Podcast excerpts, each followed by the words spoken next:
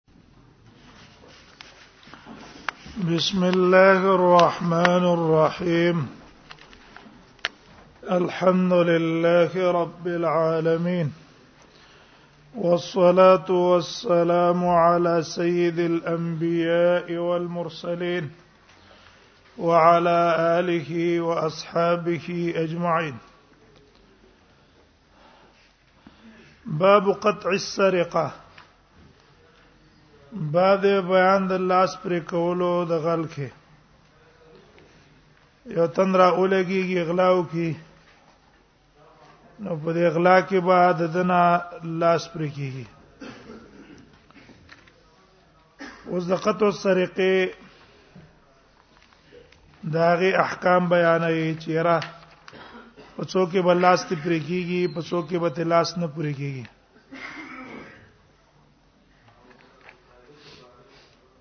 الفصل الاول عن عائشه رضي الله عنها عن النبي صلى الله عليه وسلم قال لا تقطع يد السارق الا بربع دينار فساعدا په دې باب کې مصنف رحم الله شپارس احادیث راوړي او رجب شپک مسائل ته اوله مسله بيان الامر الذي يقطع به اليد په کوم شي کې به لاس پرې کیږي کوم شي کې به لاس نه پرې کیږي هغه بیانای دویمه مسله بیانای شفاعه په حد السرقه یو سړی شپارس کوي د دې د پاره چې رب دې سارق باندې حد قائم نشي دا شپارس کول څنګه دی بیان به کې چې دا شپارس ناروا ده دریم سبب بیان کی الشیء الذی لا قطع فیه الشيء الذي لا يقطع اليد على سرقته د سوا چې نپری کیږي لاس دغه په پټولو سره مسله به ذکر کی حکم من سرقه مره بعد اخرى سړی یو ځل غلاو کی او دا غین ورستو بیا غلاو کی د دې دویم ځل د حکم سره په دریم ځل سره څلورم ځل سره پنځمه مسله به ذکر کی چې لا عفو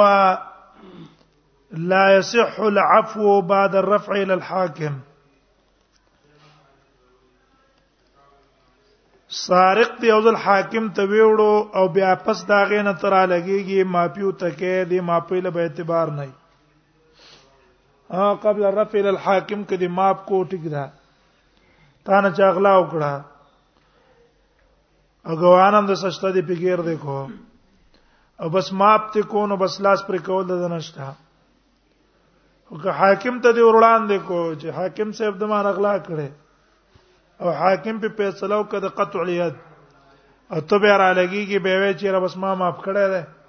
لاس ته مپرې کوا دې ما په اعتبار نشته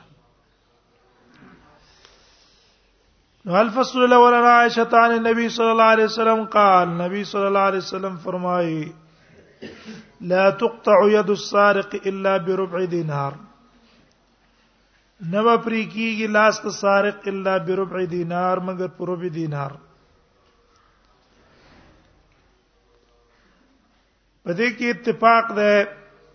جمهور علماو چې د غل غلای چې وکړانو د هغه نه بلاس پرې کیږي لیکن اختلاف ته د علماو په اشتراط ته نصاب کې چې آیا هر شي غلا کې به تلاس پرې کیږي او کنا دا سه یو شی پټ کی چې د هغه قیمت یو نصاب ته رسیږي نو اختلاف ته په اشتراط د نصاب کې همدارنګه د هغه په مقدار کې چې دا نصاب څونه ده یو قول دار زواهر ده او قاضی عیاض دا قول نقل کړی دی د حسن بصری نه او د خوارج نه هم چې دا د خوارج رایم ده چې لا یشترط نصاب القطع د قطع د پاره نصاب ضروری نه ده شرط نه ده بلکې چې یو شی پټ کو چې بس نفس مالی شی مال والای چې هغه پټ کو ګلګي او کډې لاس پتی پرې کېږي هو يقطع في القليل والكثير پلک او پډېر دواړو کې وته لاس پرې کیږي چې هغه پټ کیږي دلیل دی نیولای ده په دې آیات باندې والسارقه والسارق والسارقه فقطعوا ايديهما غل سړی او غلاګر خزه لاس ته پرې کوي دی وی آیات مطلق ده آیات مطلق ده شامل له قلیل او کثیر دواړو ته نو دیو جن دې کې تخصیص د مقدار ته ضرورت نشته چې منګه خاص کو په یو خاص مقدار پورې دویم قول د جمهور علما ده جمهور علما وایي چې نه لابد من النصاب دې کې خامخا نصاب ضروری ده دلیل په دا حدیث ته چې رسول الله صلی الله علیه وسلم فرمایي لا تقطع يد السارق الا بربع دینار نما پرې کیږي لاس غل الا بربع دینار مگر په څلورم یې سید روپۍ باندې بیا دي جمهور علما دا مذهب صحیح ده چې د نصاب د قطع الیت د پاره په پا صورت د غلا کې نصاب ضروری ده چې دا مال مسروقه با یو نصاب ته رسیږي نوجه دې حدیثونه او کوم حدیث با آیات باندې چې هغه استدلال نیولې و سارق و السارق و السارقه نو هغه د احادیث باندې مقید ده بیا د دې جمهور علما اختلاف ده چې خدا مقدار څونه ده مانا دا شی به څونه مقدار ته رسیږي چې دی پټ کو لاس پتی پرې کیږي امام شافعی رحمه الله اغوی النصاب عرب الدینار ذهبا څلورم حصہ د سرو زرو دینار د دینار څلورم حصہ او یا د هغه قیمت او لا یقطع فی اقل منها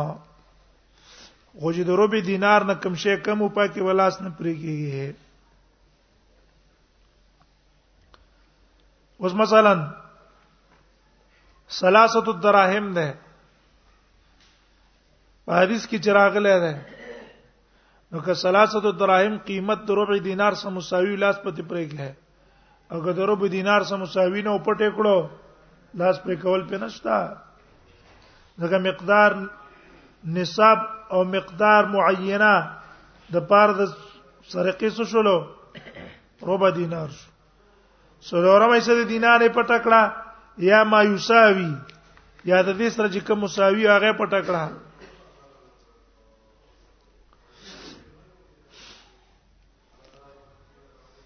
دویم مذهب دی او دا قول نقل دی د عائشه رضی الله عنها نه او د عمر ابن عبد العزيز نم او د اوزاعي نم او ليس ابن سعد نم او اسحاق ابن رهوينا او ابو ثور نه غینم دا قول نقل غیم دا قول کړه ده دویم قول د امام مالک ده د امام احمد ده د اسحاق ابن رهوی ده فی روایه چې تقطع اليد في ربع دينار او ثلاثه الدراهم او ما قيمته احدهما یو تن ربع دینار پټ کی یا ثلاثه دراهم پټ کی یا یو شی پټ کی چې قیمت ربع دینار تر رسیدي یا ثلاثه دراهم تر رسیدي مثلا یو تن ده اور اولګه د موبایل پټ کو ټیک شو ازا موبایل د څلور زو روپو موبایل نه ټیک شو نو وس دا قیمت دی وخت کې قیمت د ثلاثه دراهم تر رسیدي خروب دینار ته نه رسیدي ځکه روب دینار په ماشي دي څو دي ربع دینار څلور نه څو دوه ماشي جوړيږي تولې څو جوړيږي ربع دینار دوه ماشي نو دوه ماشي سونا چې کومه ده لس سو لس تولې سونا لس ماشي سونا دا تقریبا په 60000 باندې واخلہ ښه شو نو تقریبا 8000 روپۍ جوړیږي کنه نو د ربع دینار دی وخت کې تقریبا 14000 خواوشه جوړیږي صحیح شو یا 15000 جوړیږي نو د دوه قیمتونو منځ کې تفاوت ته کنه ده نو کدا موبایل تا پټ کو ټیک درو به دینار ته نه رسیږي خو سلاسو دراهم ته قیمت رسیږي نو سبت کیږي اوس په پیښ وای نصاب څه چي ده دو دي یا به دا شی قیمت کې ربع دینار تر رسیږي او یا به قیمت سلاس دراهم تر رسیږي او د مخکینی قول مطابق دا موبایل چې دی وخت کې سړی پټ کی ټیک د مساوي دی د قیمت د 300 دراهم سره لیکن روبه دینار ته نه رسیږي کنه نو دیو جن دا قول مطابق په لاس پر کول نشته د دې قول مطابق په څشتا لاس پر کول پښتا او دی استدلال نیول په د حدیث باندې چې لاندې ده نبی صلی الله علیه وسلم فرمایلی دی چې او ثلاثه الدراهم فی مجنن قطع يد سارق في مجن ثمنه ثلاثه دراهم یو ډالې پټ کړو او د درې دراهم قیمت یو نبی صلی الله علیه وسلم په څوکړو لاس ول پرې کړو درم مذهب د امام بونیفا امام بونیفوی په لس عشرۃ الدراهم کې بلاس پرې کیږي څوک عشرۃ الدراهم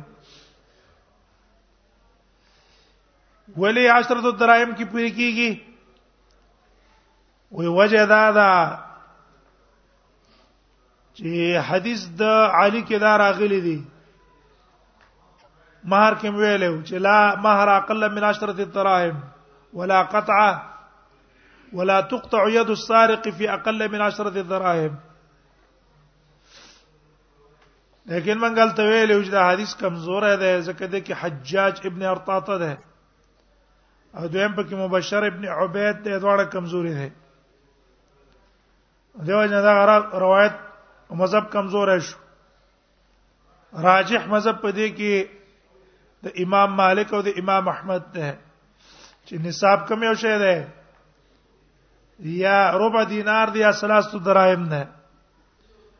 هغه څه کم شی مساوي او چاپټ کړل حاکم برا لګي دا غنه بلاس پرې کوي وعن عمرو بن شعيب بن نبي عن جده عبد الله ابن وعن ابن عمر قال قطع النبي صلى الله عليه وسلم يد سارق عبد الله ابن عمر نه روایت ته وی پر کو نبی صلی الله علیه وسلم لاس دغل فی مجنن په یوډال کې ثمنه ثلاثه دراهم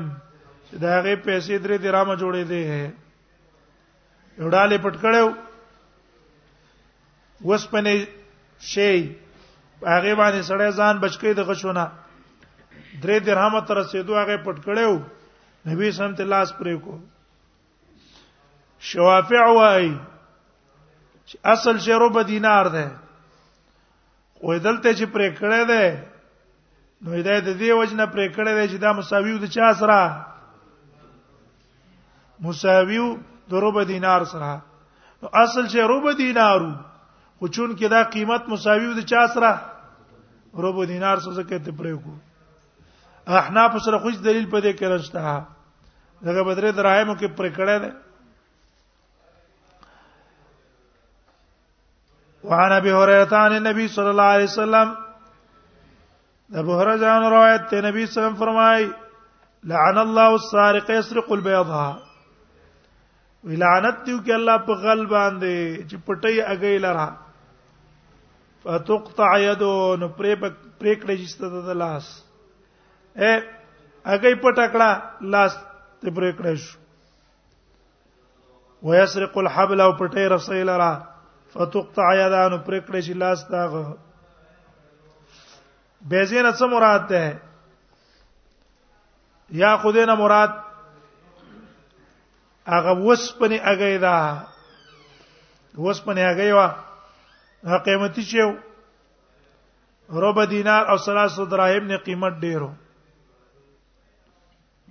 او د حبل نه مراد هغه رسې ده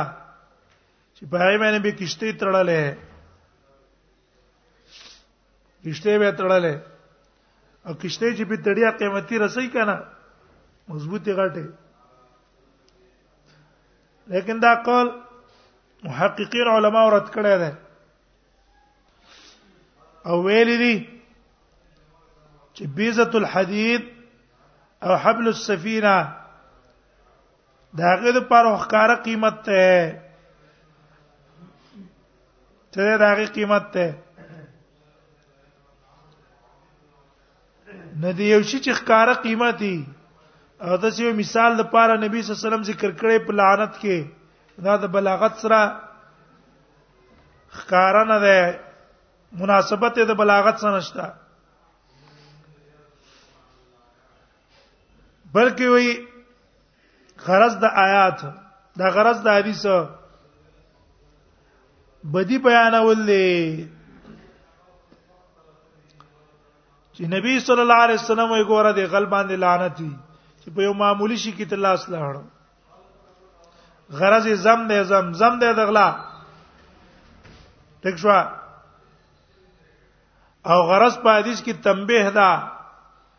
په یو غټ عمل باندې چې دا غله اولګېدو په هغه باندې جسارت وکړلو او زړه ورته به وکړو چې ګوره معمولی شی ویوړو پاغي کې تلاس لاړو دله دا کول نو پکار غرض دا حدیث دا ده دا حدیث کې مثال ذکر کړی د پار د زم او دا مطلب نه ده چې ګینه اگې دی پټکړه د چرګي او یا دی او رسې پټک لاس باندې پرې کیږي دا هغه قیمت قربه دنا رب دینار او سلاس دراهم ته خو نه رسیږي کنه دا دغه د پاره خو راخلو یا چا ویلي چې دا نبی صلی الله علیه وسلم بیان کړی دی د پاره د سبب جوړېدل سمانا وې دې غټ غل چې غل جوړیږي کنه نو دا هم دقه څه کوي اول اول هغه پټای به چرګانې پټی کی نه بیا داغه نرستو نور شي نه پټي بیا غټ کاتو ته ګوتې واچي اول نه غټ غل چې جوړیږي کنه سم دواره نه جوړیږي دی وړو وړو نه جوړیږي وړې غلاګانیو کې څوک ته څونه وي زړه ورشي بیا غټو کاتو ته ګوتې ورواچي دقه ذریعہ جوړ شو د پاره لعن الله السارقه وی الله دې لعنتو کی بغل اگې پټه کی څوک ته څونه وای نو زبا علی سبه غټ ته ګوتې ورواشه او په ویني چې غټ خو به قیمتي شی ده کنه دارنګ وړه رسې پټه کړه چاو ته څونه ویاله است دې پوجا باندې غټ شي ته ګوتې واچولې لاس ته فتق تا یا د لاس ته استپرې کړې شي په غټه غلا کې ويسرق الحبل او رسې پټې فتق تا یا د متفقون علیه لاس ته پرې کړې شي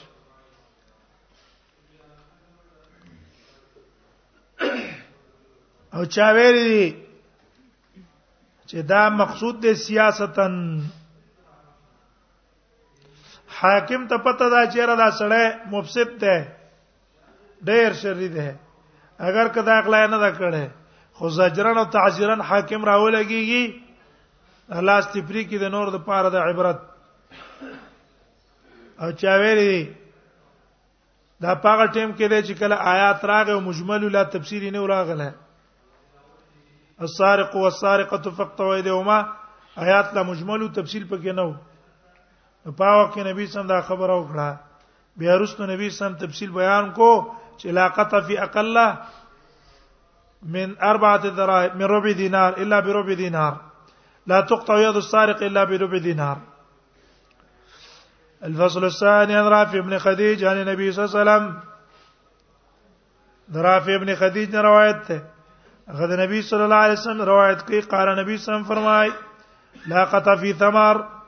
نشته لاس پر کول فی ثمرن په میوو کې سمر او کسر ویل کیږي ستا او غوشو تا چې کم تازه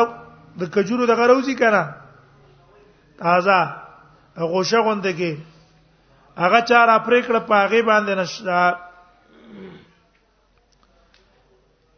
به ظاهر د حدیث باندې امام بونی پر رحم الله قول کړه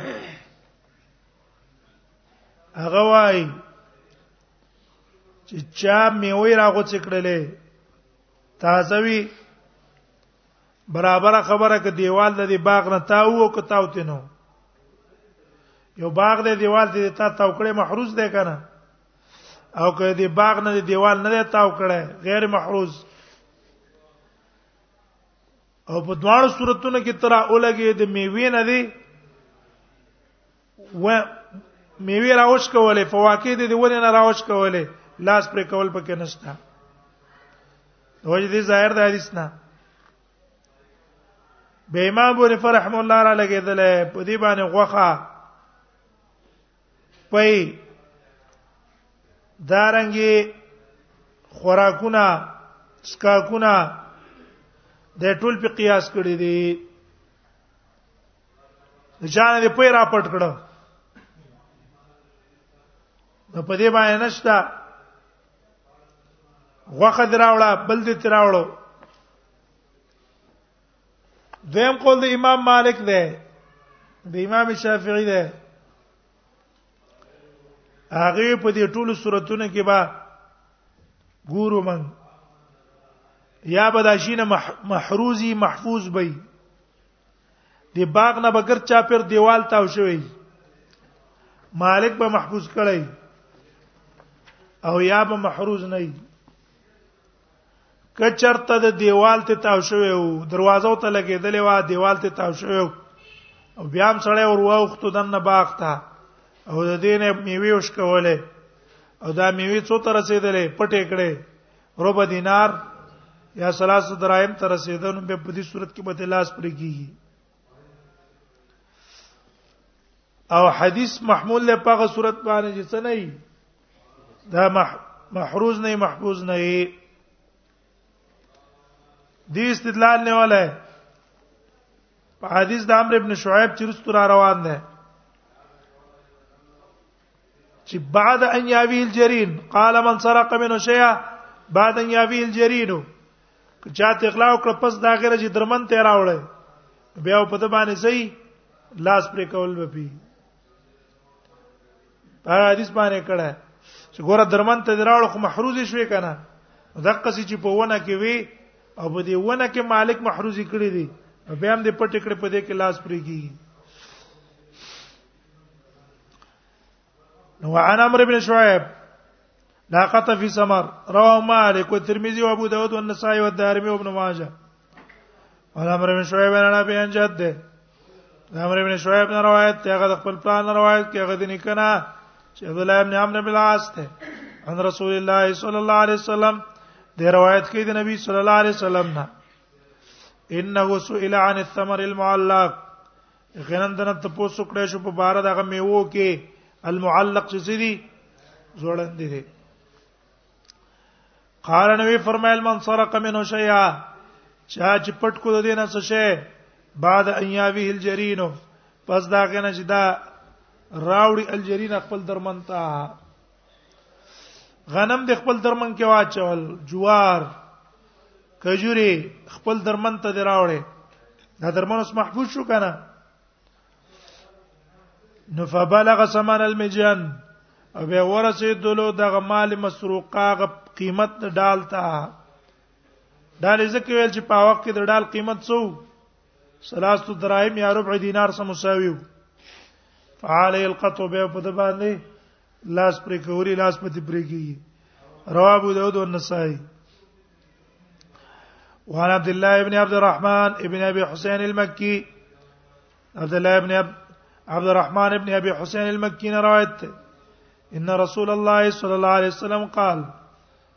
نبی صلی الله علیه وسلم فرمای لا قطع فی ثمر معلق نشتره پرې کول د لاس په پټولو د هغه میوه کې معلق چې راز وړاندې په ونه سره دا غ اختلاف نه چې مخکې منګه ویل ولا فی حریصه جبل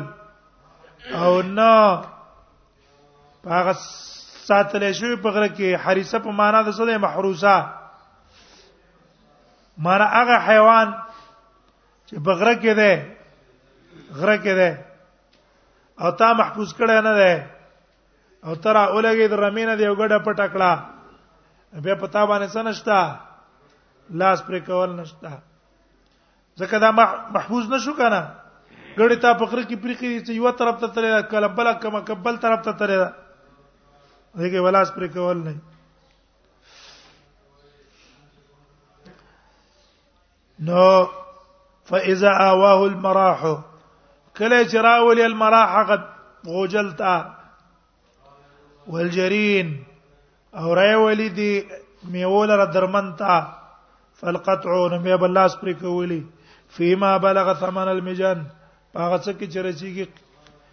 قیمت د ډال ته ډال قیمت ته چې کم رسیدلې په کې به لاس پر کېدلې رو مالک وعن جابر قال قال رسول الله صلی الله علیه وسلم جابر نے روایت ہے رسول اللہ صلی اللہ علیہ وسلم فرمائے ليس على المنتهي بقطع نشتره پلوټ کول کی باندې قطع لاس پر کول ومن انتهى به لاس پر کول په ځکه نشتا چې ته تا نه چا شی په زور واغستونه مال محروز خو نه دی کنه څه نه دی مال محروز نه دی او لاس پر کول په کوم شي کې مال محروزه کې ها د لکه ما سزا ده د منتهب د پاره به دینه سخت سزا ده چې ته ویل کی قطع قطع طریق سزا ده دغه سزا د قطع طریق ورکی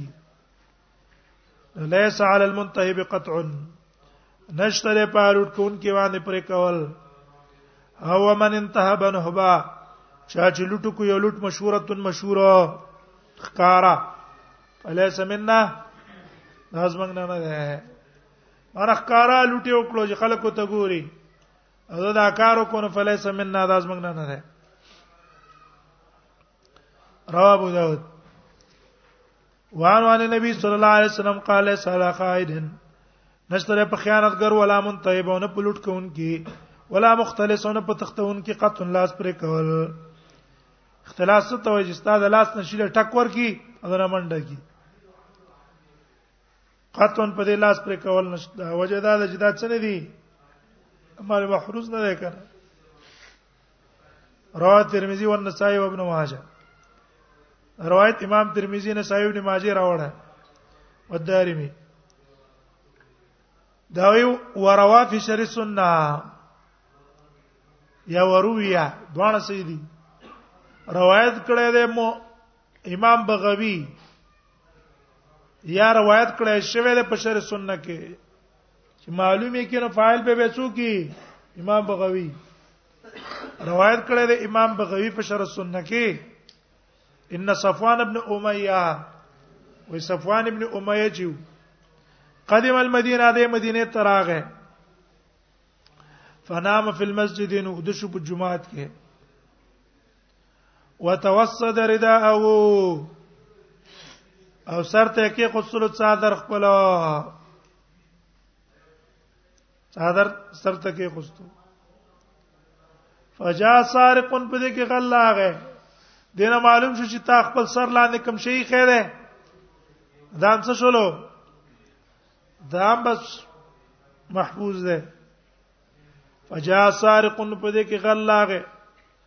واخذ ردا ګور او غسلو د صادر فاخذه صفوان نس صفوان ونیو فجاب الى رسول الله صلی الله علیه وسلم نبی صلی الله علیه وسلم ته راوستلو فامر النبي صلی الله حکم وکړو ان تقطع يده چې پرې د کړې شي د لاس نبی صلی الله علیه وسلم لاس ته پرې کړ فقال صفوان ویل انی لم اريد هذا اذا الله نبی زما خدای اراده نه و چې په دې څادر کې ته سر پرې لاس ته پرې کی انما هو عليه صدقه بس دا د شو لاس نه پرې کو دا د شو قال رسول الله صلی الله علیه وسلم او تو فرمایل فهل لا قبل ان تاتینه به ولتا په صدقه کو نه مخکې دینه جماعت راوړل ما ته دراوستونه مخکې به دې څه کړې وای صدقه کړې به دې وکنه اوس چې ما ته دراوستو زبا اوس اوس خو نه ماپ کیږي او روا نحو ابن ماجه او دقه ابن ماجه روایت نقل کړی د عبد الله ابن صفوان نه غرض د حدیث ما غشو چې ماپی سارق ته سیدا قبل الرفع الى الحاکم چې حاکم تلا پورته کړی دی نه او چې حاکم ته دی یو ځل پورته کو نو بیا ته ماپی کول صحیح کیږي نه انا به والدارمي ابن عباس امام دارمي نقل کړی د عبد الله ابن عباس عن بصر ابن ارطاطه قال سمعت رسول الله صلى الله عليه وسلم يقول بصر ابن ارطاطه نه روایت ده ما د نبی صلی الله علیه وسلم نور دي فرمایل به لا تقطع الايدي في الغزو نه پرېږي کې بل اسونه په جهاد کې وجدا ده کته په میدان د جهاد کې لاس پرې کې اسنه چې دا سړی څه نشي چې ته مرتد نشي ولار شي کافرانو ته لار نشي نو په یو اراده کې نور به فساد جوړ شي دویم د دې وجنا چرته کافران په خبر نشي ونه وای چې ګوره دی خپل منځ کې مران دی بل نه څه کوي لاسونه پرې کوي دی وجنال ته بل لاس نه پرې کوي کله یې دی خو راوستو به په حد قائم ہے رواه ترمذی او دارمی او ابو داود امام ترمذی دارمی ابو داود نسائی نقل کړه الا انهما قال فی السفر مگر دی ویلی دی په سفر کې د غزوه په ځای له په څه ویل ده سفر ویل ده بدل الغزوه وعن ابي سلمة عن ابي هريره ان رسول الله صلى الله عليه وسلم قال في السارق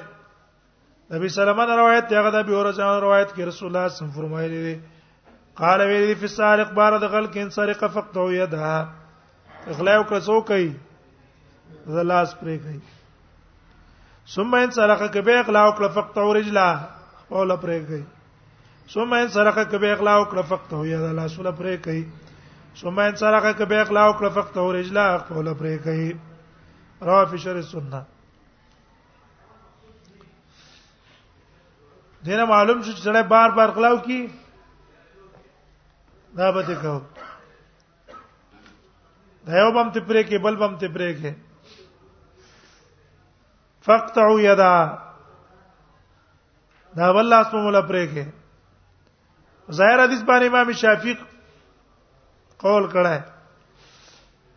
چې دریم ځل اغلا وکړه د خپل لاس په تپره کې څلورم ځل اغلا وکړه بیا ودا بل خپل تپره کې وې زکه چې دا دریم او څلورمه جرم دې په شان ته اولنې چې په اول کې شریعت د دنه لاس پرې کړی دی په دې کې هم ته لاس پرې کیږي بلکې دې کې ډیر په کار دی ځکه چې دا مفسد بیا نه منع کیږي په درې قولات دا پرې کول په کار دی لیکن د احناف مذهب دا ده چې دریم ځل غلا نه بعد دا بلاس نه پرې کې جیل ته به همیشه چه تر دې چې توبه وباسي یا هم د قسم مرشي او دا یو استحسانی فیصله ده ولوی علی قول له چې هغه تم د قصرا یو کسرا واستل شو نو هغه ویل انی لا استحی من الله تعالی وزد الله تعالی نه حیا کوم الا ادع له یدا یاکل بها ويستنجي بها چې زوس د یو لاسم پرې نه دم چې باغی خوراک کې استنجا کوي ورجل يمشي عليها خپل پرې نه دم چې باغی باندې لاړ شي وې دی وجنا دودانه کو بل وې دا اهلاک ده د یو منفعت ټیک شو او حد صرف زاجر دی مطلب نه ده اور چې دا حدیث ته نو دا محمول له سیاست باندې نه سره ډیر مفسد لکه په دې بل روایت کې هغه مړکړې مو کنه اور اخ کلو دا هم د قسم مفسد وډاکو وان فضال ابن عبید جابر وای جی ابي سارق نبی سلام راوسره شو یو غل نبی صلی الله علیه وسلم ته قال نبی سم اقطعوا لا سل پریکي وقطع لا سل پریکړې شو ثم جاء بثانيه به دویم ځل لا وسره شو فقال نبی سم اقطعوا لا سل پریکي خپل پریکي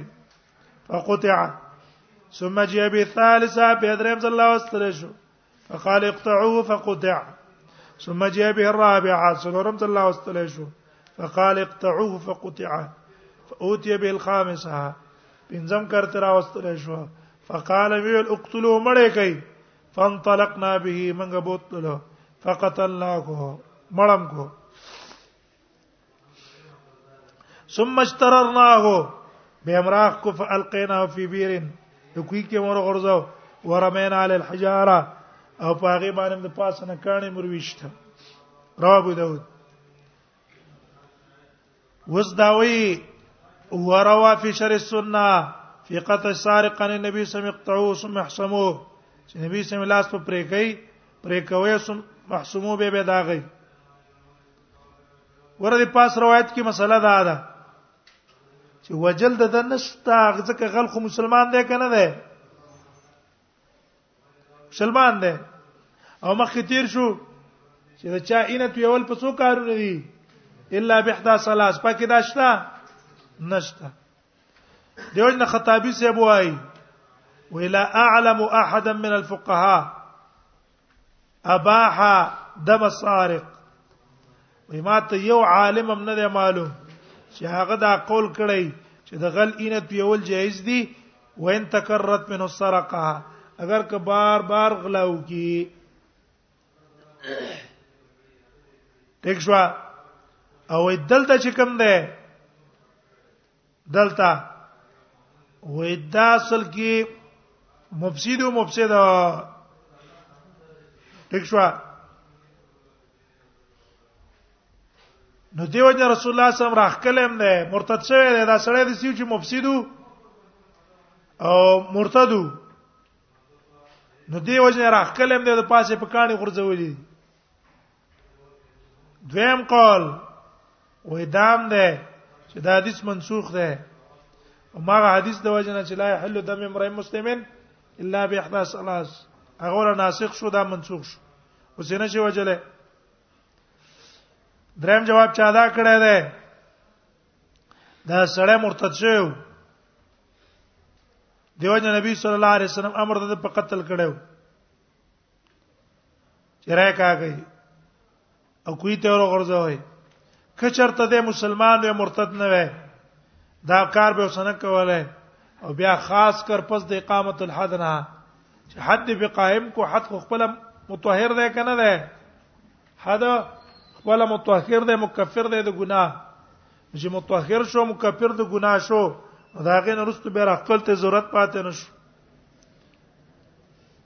وان فضال ابن عبيد د فضال ابن عبيد قال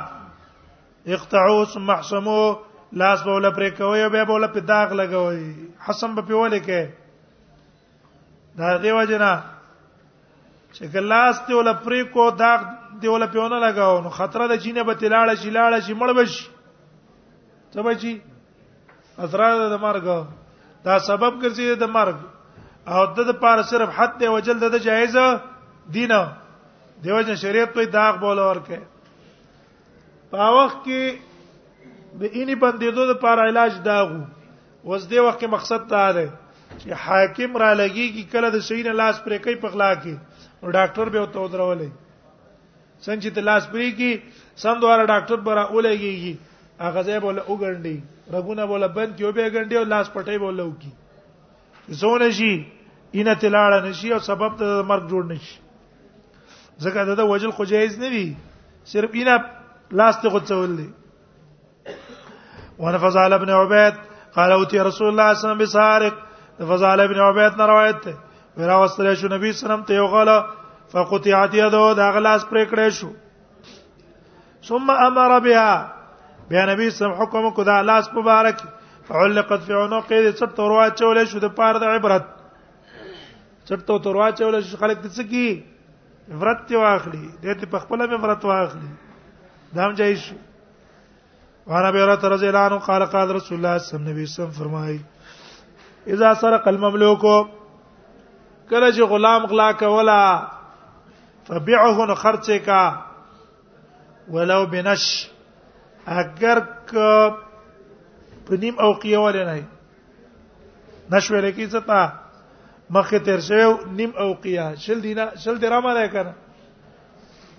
ولی وجدا دا چې چا کې صفت د غلاو کنه د کیس خیر نشته غلا صفت چې چا کیو هیڅ خیر پکې نشته او چا کې چې صفت د غلاو دا کې ټول شر شر دی او یو انسان کې چې ماده د غلا نه وا صفت د غلا نه پردي مال ته اړه کاونه دې سړی کې خیر ده دیو جن دې خرج کا بیا غسوال مخکې مونږ کړو جواب هم کړو چې ګوره دا چې کله اخلاقی معیوب ده کنه ده معیوب ده کنه د معیوب شي څنګه خرڅي حال دا ده چې د معیوب شي خرڅول شریعت منع کړي جواب دا غیدا ده چې دا معیوب ده او کېدای شي بل مالک نه ده څه نشي کولای اغلا نشي کولای ځکه انسانانی بعضی کس تربیت خه کولای شي بعضی صحیح تربیت نشي کولای بعضی کسانی هغه واړه واړه ماشومان دا ټول شینه تور خو دي او توسګاری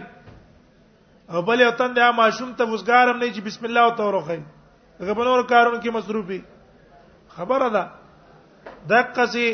د مالک په نشي کنټرول اوله او بل به کنټرول کې راولي دا فبيعه ولو بنشن رواه ابو داود والنسائي وابن ماجه